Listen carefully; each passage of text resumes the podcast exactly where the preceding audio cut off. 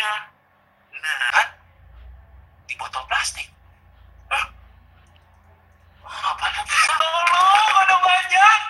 Ada banyak yang terperangkap di dalam wah, sampah plastik. Ganja Ramadan mendongeng tentang kondisi hewan di lautan yang terjerat sampah plastik Kamis. Di hadapan 200 peserta seminar daring bertema manfaat mendongeng sebagai kearifan lokal dan budaya bangsa, Ganjar ingin menyampaikan pesan mendongeng tentang bahaya sampah plastik bagi kehidupan di bumi. Ganjar menekankan berbagai peristiwa masa kini hingga budaya masa lalu bisa diceritakan dalam bentuk dongeng atau storytelling bagi anak. Tapi intinya, ya, kita dengan cara apa pun yang kita bisa lakukan, storytelling atau uh, sharing story gitu ya, kita ingin bisa menanamkan nilai. Kita bercerita sehari-hari misalnya, Bu, Kebiasaan mendongeng juga dilakukan keluarga Menteri Pendidikan dan Kebudayaan Nadiem Makarim.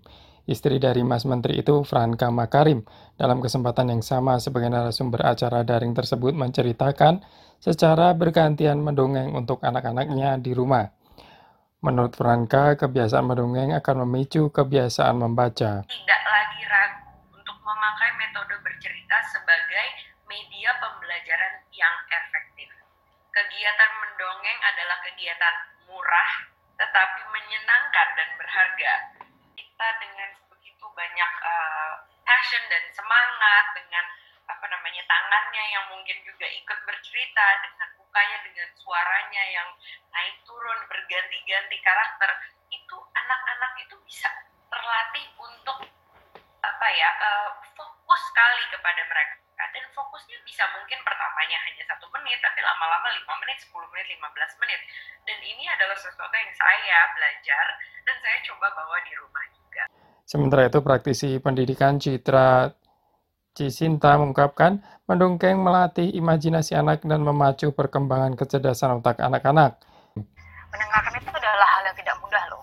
Jadi kita mengharapkan anak untuk bisa fokus, sedangkan tentang perhatian mereka untuk fokus dan mendengarkan itu kan masih sangat pendek untuk anak-anak.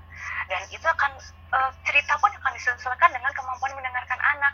Ketika dia masih attention span atau perhatian fokusnya masih pendek, yang diceritakan masih ceritanya pendek dulu, hanya dua tiga lembar. Ketika dia sudah siap akan diperbanyak atau di, uh, ceritanya akan diperpanjang.